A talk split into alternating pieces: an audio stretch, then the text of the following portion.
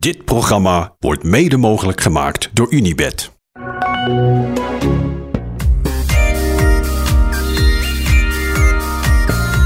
Thijs, goedenavond. Goedenavond man, hoe is hij daar? Ja, nou, we, we zijn weer terug in, eh, eh, op de plek waar we waren, eigenlijk. ja,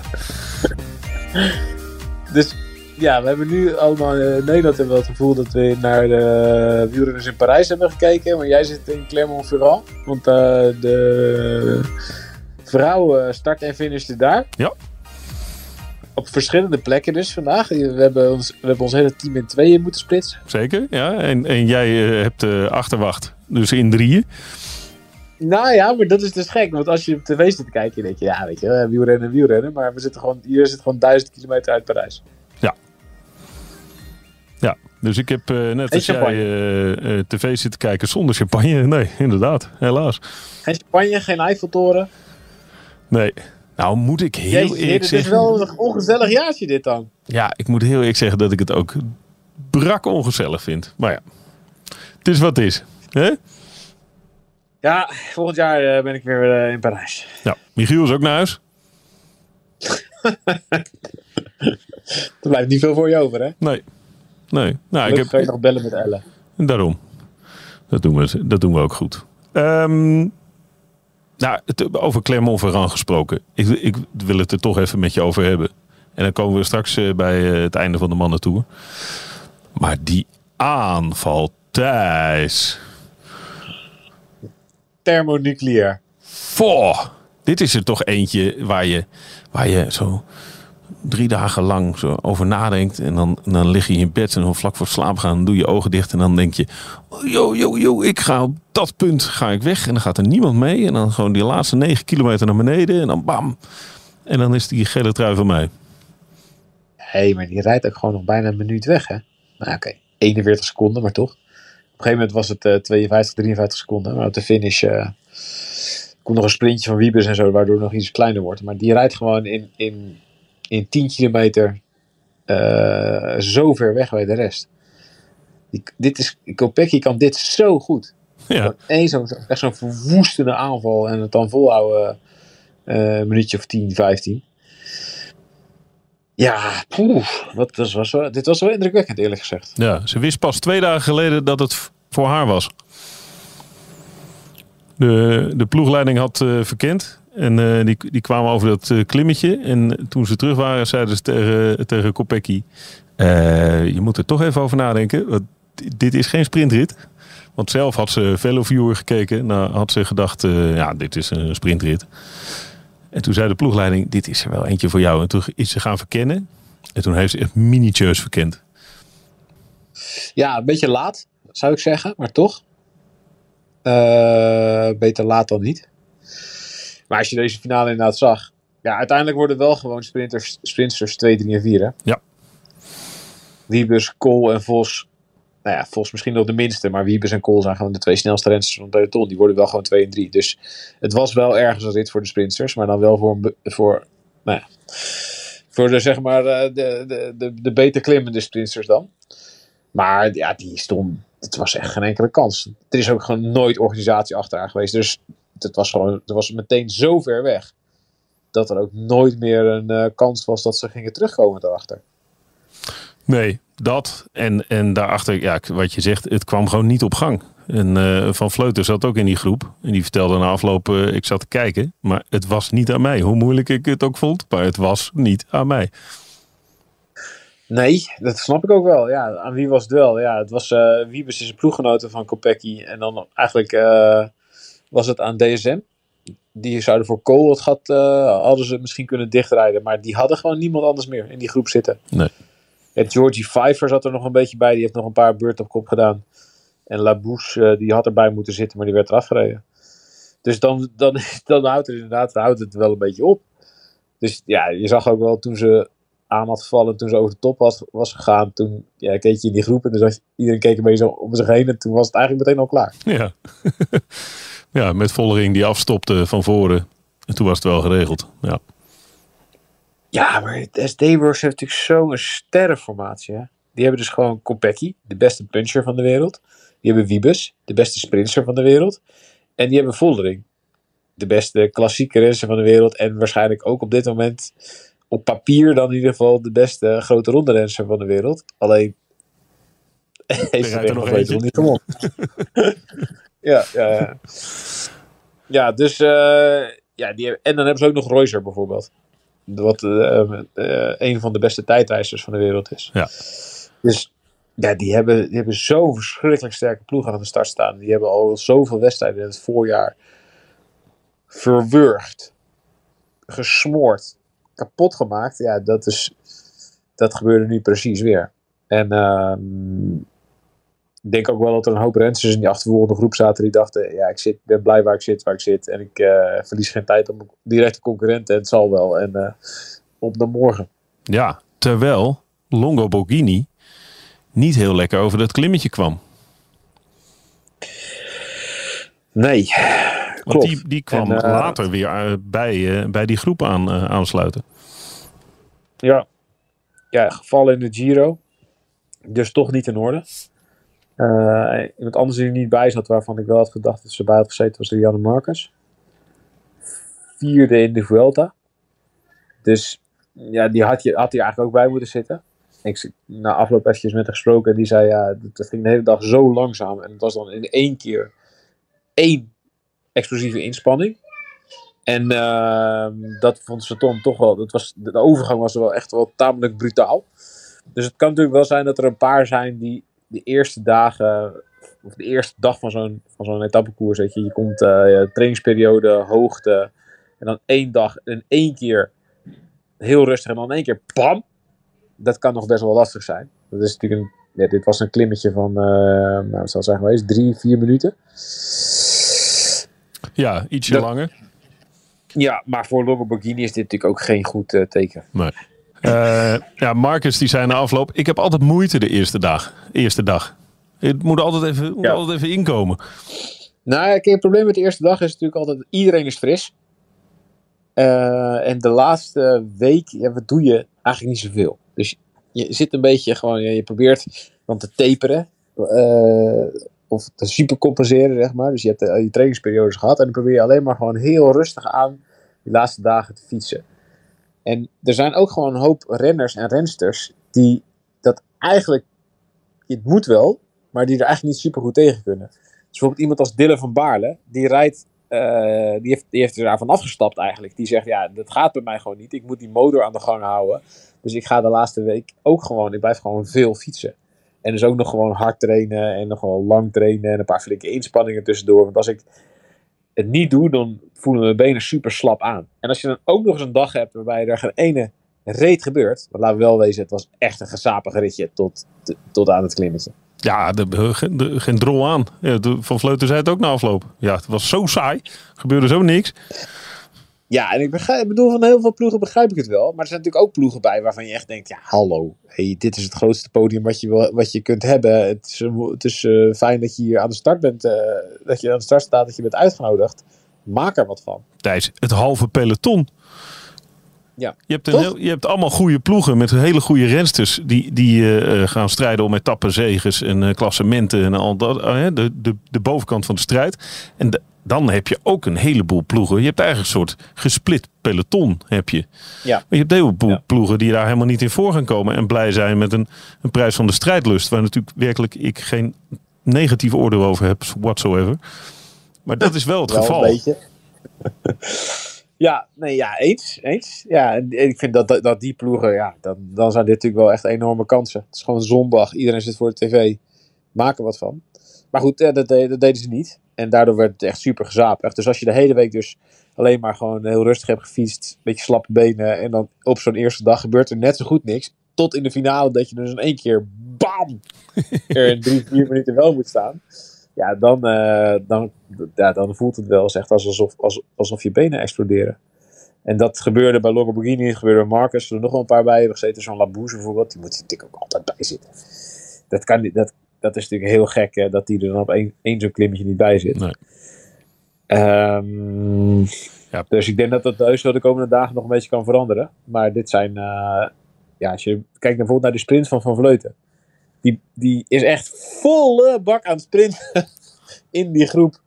Om ergens eh vijftiende te worden of zo. Om, geen, om niet nog ergens op een paar seconden te worden gereden. Ja, zo'n eerste dag is echt, kan echt gek zijn. Ja. Ja, nou, het was. eh, ja, ik dacht, oh man, die heerlijk die aanval. Weet je ook dat eh, wat Kopecky vertelde? Dat wil ik ook nog even aan je kwijt. Eh, die heeft dus de vijf minuten waarde gebroken in de verkenning. In de verkenning. Ja. Want die zei, ja, dat, ik heb een, ehm, hoe zei ze dat nou? Ja, een soort, het zijn mijn woorden, maar een soort obsessieve drang om de lengte van zo'n inspanning te weten. Voordat ik er in wedstrijden aan begin. Vond ik echt, eh, Ah, echt oké. goed. Ja, dat is natuurlijk wel echt interessant. Kijk, voor zo'n renster als Kopecky, die is natuurlijk super explosief en super snel. Ehm, en ehm, ja, ze wint klassiekers en ze heeft echt al meer basis gekregen het afgelopen jaar.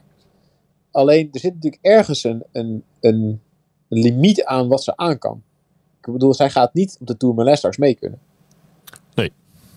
Dus ergens zit er dus een, een limiet aan ja, waar eindigt een explosieve inspanning op één zo'n klimmetje en waar begint eh, dat het te lang wordt en dat ze moet gaan, gaan lossen. Dus ik snap wel dat, er, dat rensters zoals zij willen weten, oké, hoe lang duurt dit? Wat kan ik goed aan? Ze weten van zichzelf waarschijnlijk heel goed welke lengte ze nog goed aan kan en wanneer ze dus moet aangaan.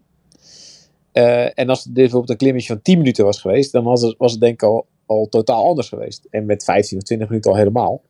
Maar ik denk dat ze daarom echt wel dat dat wel interessant is, ook voor zo'n eh, eh, verkenning voor haar, om dus te weten, oké, wat als we dus nu hier hard oprijden? Eh, wat is de beginsnelheid? Hoe lang duurt dit om hier boven te komen? En als zij dus weet, het is vijf minuten, dan, dan weet ze dus prima dat zij dat aan kan. Ja. Maar dat is, dat is wel interessant van een verkenning. En daarom is het natuurlijk wel altijd lastig als je aan het verkennen bent. Ja, je moet ergens wil je op beste snelheid verkennen. Maar hoe doe je dat? Want daar moet je dus best wel, daar moet je nog wel weer best wel wat diep gaan. Ja, je moet diep gaan en je moet eigenlijk ook de, de aanvangssnelheid, hè, dat, dat heb jij mij eh, Ja. eh, uitgelegd. De aanvangssnelheid is natuurlijk heel hoog in zo'n peloton. Ja. En in die finale ging het wel, ging het wel hard op het laatst. Ja. Dus daar Ja, win dus je. eigenlijk- dus eigenlijk is haar wedstrijdinspanning veel korter geweest dan de verkenning. Ja, tenzij ze dus iemand heeft gevraagd in de verkenning om hem aan te trekken. Ja. Als ze dus, weet ik veel, als een gevraagd, joh, wil je hem even afzetten aan de, aan de voet en dan doe ik eventjes één goede inspanning omhoog. Dan kan je het ongeveer timen. Ja. Het is wel leuk, hè? Ja, dat is wel, wel tof dat ze het zo heeft gedaan. Dat is wel de goede manier, denk ik. Ja, en het, dit was. eh, ja, SD heeft natuurlijk. eh, SD Works, eh, die ploeg, wat je zegt, is zo sterk. Dus die, die hadden nog wel drie opties. Ja, klopt.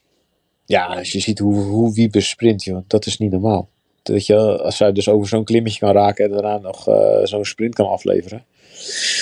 Ja, eh, en dan heb je, hebben ze dus ook nog de optie Vollering. Nou, die zal wel echt wel meteen in de gaten worden gehouden door weet ik hoeveel anderen. Ja. Daar reageert natuurlijk wel iedereen meteen op. Ja. En die is ook niet zo explosief op één klimmetje als, als Kopecky. Ja, ze hebben opties zat. Eh, en ik denk dat ze de komende dagen ook wel echt een hoop met daarmee gaan spelen. Dus dat ze gaan echt, echt gaan proberen om andere rensters ook vooruit te sturen. Zodat ze achteraan niet hoeven te rijden. En er zit eh, eigenlijk kenmerkt deze eh vrouwentour zich door best wel veel van, van die tussenetappes waarin er best wel veel scenario's mogelijk zijn. Dus daar wil je als sterkste ploeg, als je niet ageert, dan ben je vooral overal achteraan aan het rijden. Dat zei Voldering ook eh, achteraf tegen Sportza volgens mij. We moeten voorkomen dat we de komende dagen over achteraan aan het rijden zijn.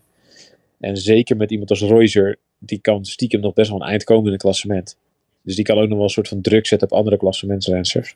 Ik denk dat SD Works dat heel erg gaat proberen. Dus ja, het voorkomen dat je met een relatief kleine ploeg eh, overal de hele tijd achteraan aan het rijden bent. Ja. Dus er zal initiatief komen morgen. Ik denk dat zij wel echt kijken naar welke, welke ploegen rijden weg. Welke groepen rijden weg. En, en dat ze stiekem ook wel gaan proberen om uh, rensters mee te sturen.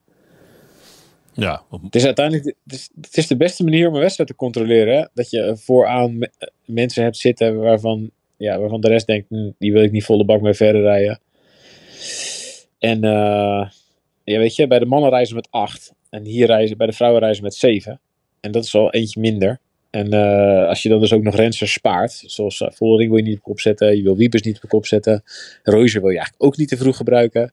Kopecky, nou die staat in het geel, die wil je ook niet op kop zetten. Hoe, ja, maar serieus ja. hè, hoeveel houden je dan over? Ja. Dus dan kan je dus wel de hele dag met, met drie op kop De hele dag Cecchini. Ja. ja, maar dan houdt het wel een keer op. Dus dat, uh, ja, zeker als het dan chaotisch wordt en uh, wordt van alle kanten aangevallen, dan, dan loont het vaak veel meer de moeite om, zeker als je een sterke ploeg houdt, om rangers dus mee te sturen. Dus ik denk dat ze dat de komende dagen ook wel, dat je dat wel veel gaat zien. Dat ze, dat ze daarvan gebruik gaan uh, proberen te maken. Ja. Wie verwacht jij dat uiteindelijk de sterkste is? Ik heb een podcast met Ellen opgenomen in de aanloop naar deze dag. en het, het was mijn openingsvraag. Wie wint deze Tour?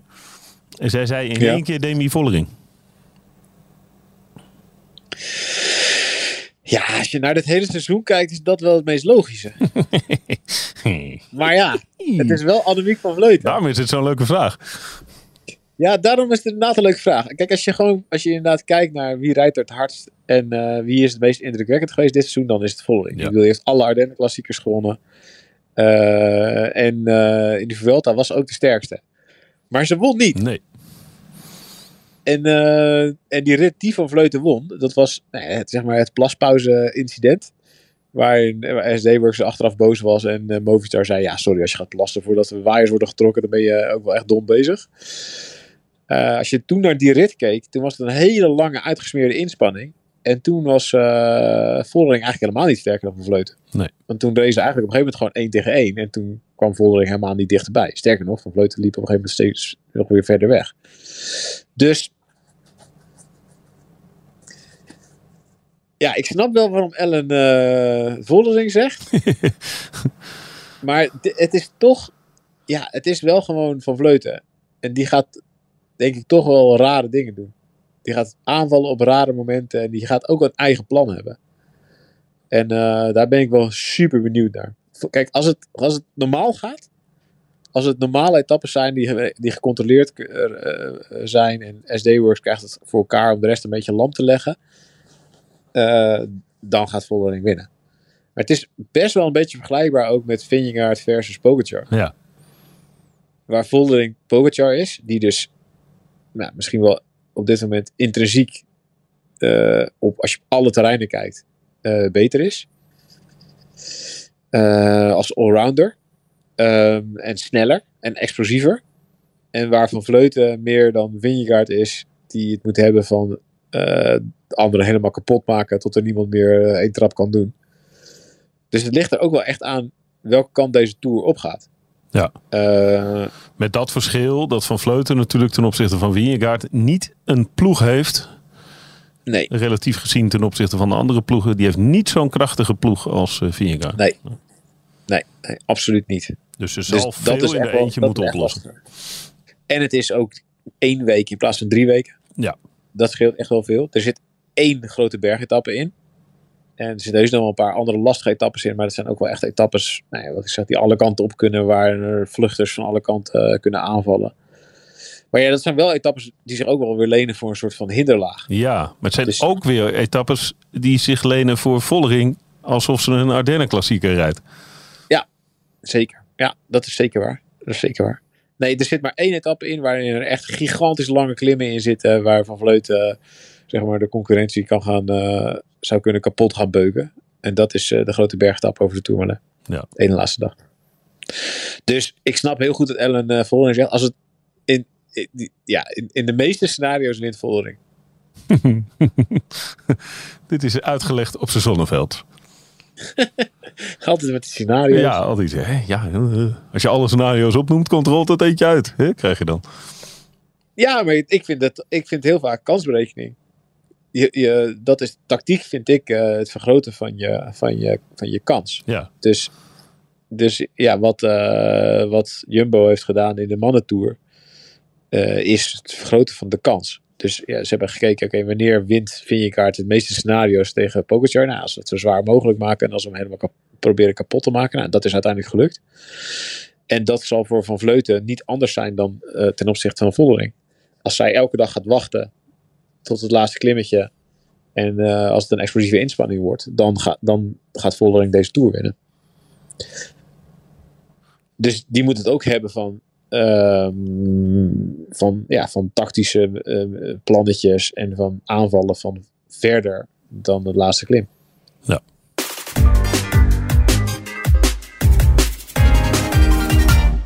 Sluiten we nog even Parijs af.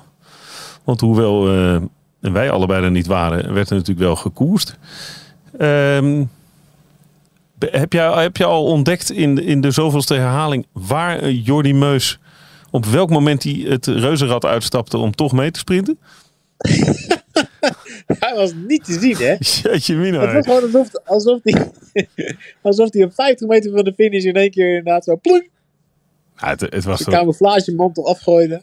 Maar ik, ik heb het wel vier keer zitten terugkijken hier in de bus. Het is, hij komt van zo ver en helemaal alleen. Ja. Ja, nou, ze zeggen altijd dat het een rare sprint is in Parijs. Wat, ook, wat, wat natuurlijk ook wel vaak zo is. Omdat het een klein beetje bergop loopt en het loopt over kasseitjes. Dus het favoriseert ook wel een beetje de grote jongens met, met heel veel kracht. Die, uh, die uh, dus zoveel druk hebben op een fiets dat die fiets minder gaat stuiteren. Ja. Um, nou ja, nou zijn de meeste sprinters natuurlijk wel redelijk zwaar en groot. Maar Meus is daar wel echt wel een, een, extreem voorbeeld van. Die is wel echt, echt de grootste van allemaal volgens mij. Misschien uh, dat Christophe nog iets zwaarder is, maar ja. het zal niet heel veel, uh, niet heel veel groter dan hij. Ja. ja. Hij is echt wel, dat is echt best wel knap eigenlijk, dat hij zo goed al die beklimmingen over is gekomen. Dat hij zelfs al kop heeft gereden toen Hindley aan het, in het geel stond in een, in een Pyrenee-rit. Ja. voor zo'n, nee maar serieus, voor zo'n grote zware gast klimt hij wel echt heel goed. Ja. Hij is nooit in de problemen geweest, hè? Nee, we hebben hem nooit helemaal achterin zien harken, omringd met ploegenoten niet. Gewoon altijd nee. goed over de, over de zwaarste kools gekomen. Ja, dat is helemaal waar. Maar we hebben het ook echt nauwelijks over hem gehad, over die hele Tour. Nee, maar ik, hij ik, zat ook helemaal niet dichtbij. Heeft hij niet gewoon drie weken in dat reuzenrad gezeten? en nog een rondje! nee, ja, maar hij, hij, hij kwam er ook niet aan te pas. Het was niet, het was niet spannend. Hij, hij zat niet goed. Hij had niet een ploeg die heel dwingend was in die, uh, in die uh, sprintfinales. Dus het was, ja, het is, het is niet echt uh, een speler geweest in de eerdere sprintetappes, toch? Nee. Nee. Het, het, kwam nu wel echt perfect voor hem uit. Ehm, ja, ik vond de lead-out van Van der Poel dit keer echt niet, niet, was niet super indrukwekkend. Uh, er zaten echt een paar jongens daarachter te wachten. Uh, en op het moment dat ze eigenlijk konden anticiperen. Dus dat ze aan konden gaan voordat Philips aanging. Um, dus Van der Poel trok hem aan. Philips zat in zijn wiel. En ja, Van der Poel was eigenlijk nog aan het versnellen. Of was al aan het stilvallen. Hij had in ieder geval niet de topsnelheid die hij nodig had om Philips op het juiste punt af te zetten. Want Groenewegen ging aan voordat Philips aanging. En toen was Philips eigenlijk al geklopt. Ja, wel, dat was echt... wel iets wat we natuurlijk ook wel uh, uh, geroepen hebben. Niet dat wij alle wijsheid hebben. Ja. Maar vroeg aangaan is wel een manier om Philipsen in ieder geval onder druk te krijgen. Ja, tot nu toe hebben ze dat niet gedaan. Ik denk dat Groenewegen dat ook wel goed heeft gezien en geanalyseerd van die eerdere sprints. Dat hij ja, een paar keer nu heeft een paar keer wachten tot Philipsen aanging. En toen, ja, dat, dan ben je geklopt. Uh, dus nu wilde hij per se aangaan voordat Philips aanging. Uh, zodat die Philips eigenlijk een soort van insloot. Dus Philipsen kon daardoor niet meer links langs van de poel passeren. Omdat Groenewegen daar al aan het passeren was met, met Peters in het wiel. Ja. En toen moest Philips er eigenlijk rechts langs. Nou, dat kost hem dus, dat kost hem dus net iets van tijd en iets van momentum. Uh, maar Groenewegen ging wel van, daardoor van verder aan dan je normaal gesproken aan zou gaan. En die had Pedersen in het wiel. Nou, Pedersen is snel, maar niet supersnel. Dus die kan er niet makkelijk overheen komen. Ja, en dat geeft dus wel renners die dus daarachter zitten de kans om nog heel veel goed te maken in de laatste meters. Als er sprinters te vroeg aangaan en een klein beetje stilvallen in die laatste 20 meter, kun je, als je met veel snelheid van achter komt, ja, dan kun je echt nog wel iets goed maken. Dus dat, voor hem, voor, voor Meus dus, waren er wel een paar dingen die echt wel vrij briljant in elkaar uh, verlochten in deze eindsprint. Maar dat hij zo sterk was dat hij nog gewoon over die drie gasten heen kwam. Dat, ja. was wel, dat was wel serieus knap. En hij was zo verbaasd. Het is wel echt een gast met... Hij heeft wel echt hij heeft wel echt veel vermogen. Kijk, ik vind het gewoon de beste klimmer van Zuid-Holland. Hij komt hier niet vandaan, dat weet ik ook wel. Maar toch. Hè? ik ga het je uitleggen. Ja, moet je, help me even. Ik ben de weg kwijt. Ehm, hij is de houder van het Strava-record op het kopje van Bloemendaal. De Ja. enige klim die we hier hebben. Ja, dat is wel waar, ja. En eh, hij eh, reed toen bij SEG, bij, de opleiding, bij het opleidingsteam. En toen zijn ze een keer met eh, een heel eh, ploegje zijn ze naartoe gegaan. Hebben ze een soort van, van sprinttrein gedaan. Het kopje van Bloemendaal op. Voor, voor Meus dus. En die verpulverde toen de beste tijd. Die staat echt een aantal seconden voor de nummer 2. Wat op een segment van twee minuten best wel veel is. Maar ja, het kopje Bloemendaal is hier natuurlijk de grote kool hier in de buurt. Veruit het meest prestigieuze segmentje van Nederland en omstreken. Zeker, zeker, ja. Dus ja, eh, die heeft hij wel op zijn naam staan. Dus ik zou zeggen dat deze overwinning op de Champs-Élysées het één na mooiste moment is van zijn carrière. Kom jij een beetje in de buurt bij het kopje van Bloemendaal? Nee, nee, ik geen commentaar. Niet met dit soort gasten. Nee, Jezus, joh. weet je hoeveel vermogen die heeft? Daarom vroeg ik het ook. Die reed gewoon echt met, met, met meer dan 40 per uur reed hij het kopje op over de klinkerkant. Dat gaat helemaal nergens over. Jezus. Het eerste stuk is gewoon 10% over klinkers. Ja, nou, daar, daar hou ik op hoor. Dat Buiten ik. Verlies jij de druk op je achterband? Dat sowieso. Ja, ja. Daar ligt het, daar ligt het aan, denk ik. Daar ligt het aan. ja toch? Ja, nee, nee. Ja, ja, ja. En je bent er met, een- met een beetje motregen. Ja, natte steentjes had je. Nee, dat was geen goed moment. Ja. Moet nog een keer over doen. Tegenliggers. Ja. Tegenliggers. postbodes. Ehm, ja, dan zit, dan zit de mannentour erop. Eh, we hebben eigenlijk alle conclusies al getrokken. Eh, de, de winnaar eh, besproken. Ehm, ik wil alleen nog wel heel even één moment eruit pakken als dat mag. Dat volgt op eh, de podcast die we gisteren eh, samen met Michiel met z'n drieën hadden opgenomen. Ehm, hebben ze, ze hebben dus niet geluisterd. En Van Hooijdonk zat stijf in het wiel van Pogacar. Thijs, dit kan echt niet. Het is te stijfjes, hè? Nou ja, het is toch volstrekt idioot. Als je toch, als je toch die sport wil verkopen. En dan rij je op, op een van de meest iconische plekken van, van eh, eh, het- de hele wielrenneritis. En dan is het gewoon, ben je met Pogacar, een van de meest populaire renners. Waarvan ze zelf weten dat het de beste wielrenner van de wereld is. Nou, die heb je dan verslagen. Weet je, ere wie ere toekomt. Hij doet een poging om er iets van te maken. Hij gaat eh, eh, 4, 5, 6, 7, 18 keer gaat hij, eh, eh, probeert hij voor het peloton weg te rijden. En dan zit Van Hooijdonk en die zit dan nee te schudden in, het wiel. En die zegt nee, ik ga niet meerijden. Eh, doet hij één be- beurtje voor de mode. En dan vervolgens, vervolgens eh, de Pogacar die moet dan hoofdschuddend toegeven dat deze poging tot een einde komt vlak voor de, de streep van het vijfde rondje. Ik vond het potsierlijk thuis. Verschrikkelijk. Maar het had natuurlijk gekund dat ze acht minuten waren weggereden Ja, uit het peloton. ja. Nou, hulde. Dat hulde heel- voor Pogacar. Ja. Had, had of het had gekund dat, ze, dat Pogacar weg was gereden uit het peloton. Dat er massale valpartij was gebeurd in het peloton. En dat er daardoor uh, dat Vingegaard erbij had gelegen. En dat hij daardoor vijf minuten had verloren. En dat het toen zes minuten was geworden. En dat door, door het samenwerken van, uh, van Hooydonk het net 7,5 minuten was geworden. Had gekund. Ja, maar wacht even. Dan pareer ik nog even deze in al mijn enthousiasme. Want als je, dat, als je dan niet op kop wil rijden, doe dan alsof. Zeg gewoon, hé hey, Pogacar, doe even mee. Doe, doe, doe, doe. Vindt hij prima. Ja, of spring niet mee. Ja, ja, of spring niet mee. Laat hem gaan. Alsof hij 7,5 minuten dicht rijdt. Ik vond het echt... Nee, echt. Dat was onnodig. Dat is onnodig. Nee, ze, dat is... Het is moeilijk om, uh, om eruit te stappen, hè, is stramien. Het is moeilijk om, om de laatste dagen, ze hadden iets meer vrienden moeten maken, denk ik. Dus het scheelt ook voor, uh, voor de rest van het jaar en voor volgend jaar. En voor volgend jaar.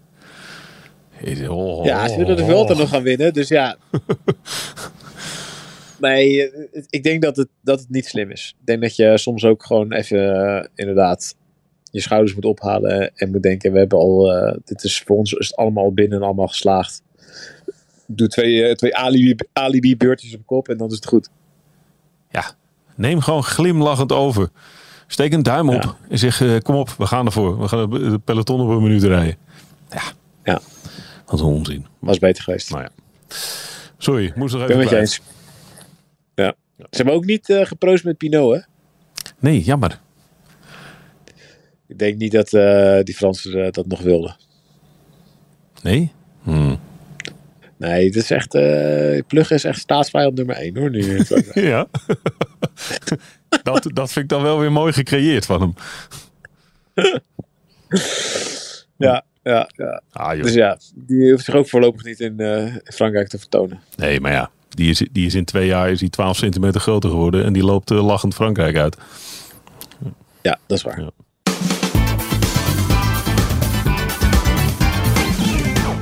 Heb je nog een slotwoord? Gaat het lukken? Wat gaat lukken? Drie grote rondes in een jaar voor Jumbo-Visma. Oh, ik dacht voor ons. Nee, dat lukt altijd. Nou, nou. Dat weet ik niet hoor. Die jongen die laatste weekje, dat ken jij gewoon. Daar plak jij er nog prima achteraan. Dat is ook waar. Zou het lukken om vier grote... Nee, dat lukt niet. Ehm, zou het lukken? Ja, Vingegaard ge- de, de, die eh, heeft aangekondigd dat hij eh, daar ook naartoe gaat. Hè? Het gaat dan Vingegaard en Roglic eh, in één ploeg. Tegen Evenepoel, Ayuso. Wat een lekker vueltaatje Ja. gaat dat worden. Dat is wel echt tof, ja. dan weten we al wat Pogacar doet. Ja, Pogacar. Eh, eh, Wat ik begrijp. eh, kijk, eh UAE rijdt met Almeida en met Ayuso. Wat ik begrijp is dat die gasten in hun contract hebben. Of met hun contract dus hebben onderhandeld. Dat zij niet voor Pogacar hoeven te rijden in grote rondes. Hè? Dus, dus als, als Pogacar naar de Vuelta gaat. Dan eh, hebben ze wel Ayuso als Almeida een probleem. Ja, maar wat, wat een rare voorwaarde in een contract. Ja, oké, maar ja, weet ik niet. Ja, ik denk dat het niet slim is inderdaad. En ik denk dat je als ploeg daar nooit aan moet meewerken. Maar ja, die gasten die hebben zijn gewoon voor superveel geld naar UAE gegaan. En ik, ja, ik denk ook wel dat als je naar UAE gaat, dan ga je voor een smak geld. En omdat je je eigen kans kan rijden. En als je weet dat Pogacar daar rijdt, ja, dan is het natuurlijk het gevaar dat je de hele jaar, eh, het hele jaar uit de naad aan het rijden bent voor, voor dezelfde gast. En dat willen, hebben ze willen vermijden, denk ik. Dus ja, wat ik ervan begrijp, is dat die gasten echt, eh, dat die gasten dus ook echt juridisch een punt hebben op het moment eh, dat Pogacar naar de Vuelta gaat. Dus dat kan volgens mij helemaal niet. Nee, althans, dan rijden ze niet voor Pogacar. Dan, Ja, dat is toch ook gek. maar dat, dat gaat, gaat toch ook niet. niet. nee. Dus dan komt hij om etappes te winnen. Zou wel leuk zijn, hè? Ja, ja, ik weet het niet. Ja. Dus, dus ja, tenzij ze dat dus, dus uitpraten of daar, uitkomen of zo. Maar Maar kan hij niet gewoon is een dat, standje, standje speeltuin? Poggi, Ja, daar zit hij toch altijd in. ja oké, maar dan nu extreem. Zonder verantwoordelijkheden voor de rest van de ploeg. En eh, zonder verantwoordelijkheden voor het eh, klassement. Het lijkt me heerlijk. Ja, maar als, dan, eh, ja, dat kan helemaal niet bij hem. Want hij rijdt, als, als hij dat doet, dan, dan valt hij een keer aan en dan pakt hij weer de trui. En dan, ja, wat dan? Nee, dan laat hij zich in de eerste drie dagen gewoon op, eh, op anderhalf uur zetten. Dat rijdt hij niet dicht. Nee, ik weet niet. Ja. Maar het zou zo mooi zijn. Het zou zo mooie toevoeging zijn. Als er nou toch eh, bijna iedereen gaat, dan moet hij natuurlijk ook. Het zou wel echt leuk zijn. Zou, ik, zou het echt, ik zou het echt prachtig vinden als het Roglic en Vingegaard tegen Pogacar, Ayuso en eh, Almeida, Geraint Thomas en Evenepoel. en dat dan Enric Mas de Vuelta wint. Rijdt Landa. Vast. Die gaat eh, tragisch ten onder, richt, eh, rit 8 waarschijnlijk. Ach, ach. Ai, ai, ai. Ik denk nog dat je gelijk Weer- hebt ook. Ja. Het was weer niet zijn toer, hè? Nee. nee, het was niet zijn tour. Het zat niet mee. Volgend jaar. Volgend jaar. Ja, echt?